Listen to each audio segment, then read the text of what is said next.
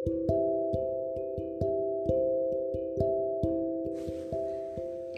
adalah permainan.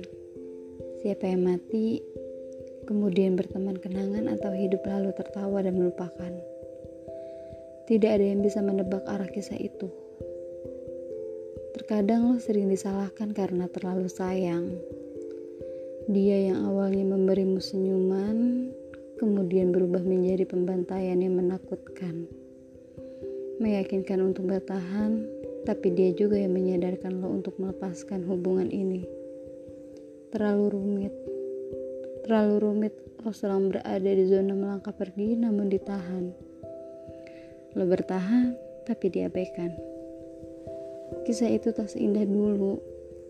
Entah itu karena ada yang baru atau sulit melupakan masa lalu. Sakit tidak berdarah, namun bisa mengguncang tekanan darah.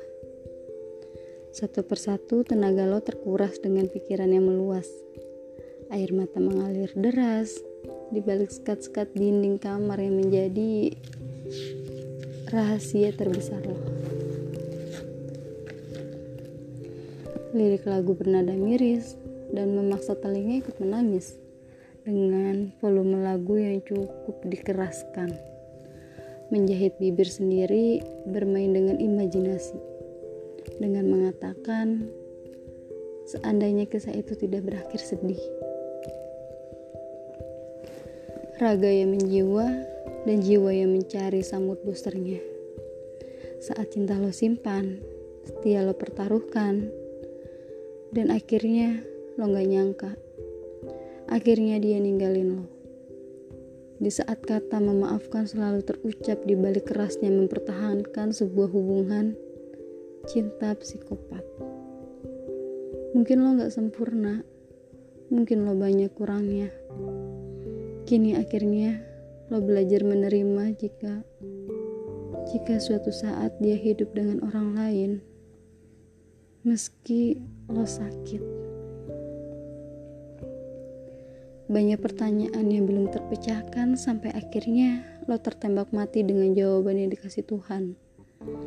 Sempat ngerasa bego, pernah berjuang, belajar ikhlas dari hubungan yang gak jelas. Mencari kepastian, namun berakhir dengan kehilangan. Seseorang yang membunuh perasaan lama-kelamaan akan membuat lo mati perlahan. Memang semuanya tampak seperti sihir yang selalu menciptakan kenyamanan. Secara fisik tidak tampak berubah, namun hati bisa berubah-ubah. Sebenarnya kita ini apa? Membingungkan. Dia yang mau mengakhiri namun juga dia yang selalu bisa buat kamu senyum di balik sepi. Ayolah, berhenti mengatur strategi untuk kembali bersatu. Karena bosan bisa menjadi penyebab seseorang itu pergi dia yang merindu akan datang lalu ngelupain lo di saat hatinya sudah kembali kepada Tuhan yang merawatnya. Merasa dianggap tempat pelarian namun hasrat terlalu ingin dirindukan. Ayolah sekarang angkat kepalamu agar mahkota ini tidak jatuh. Berhenti menyesalkan kisah lalu. Mulailah menciptakan kebahagiaan baru. Sebab kekecewaan itu akan selalu menguatkan.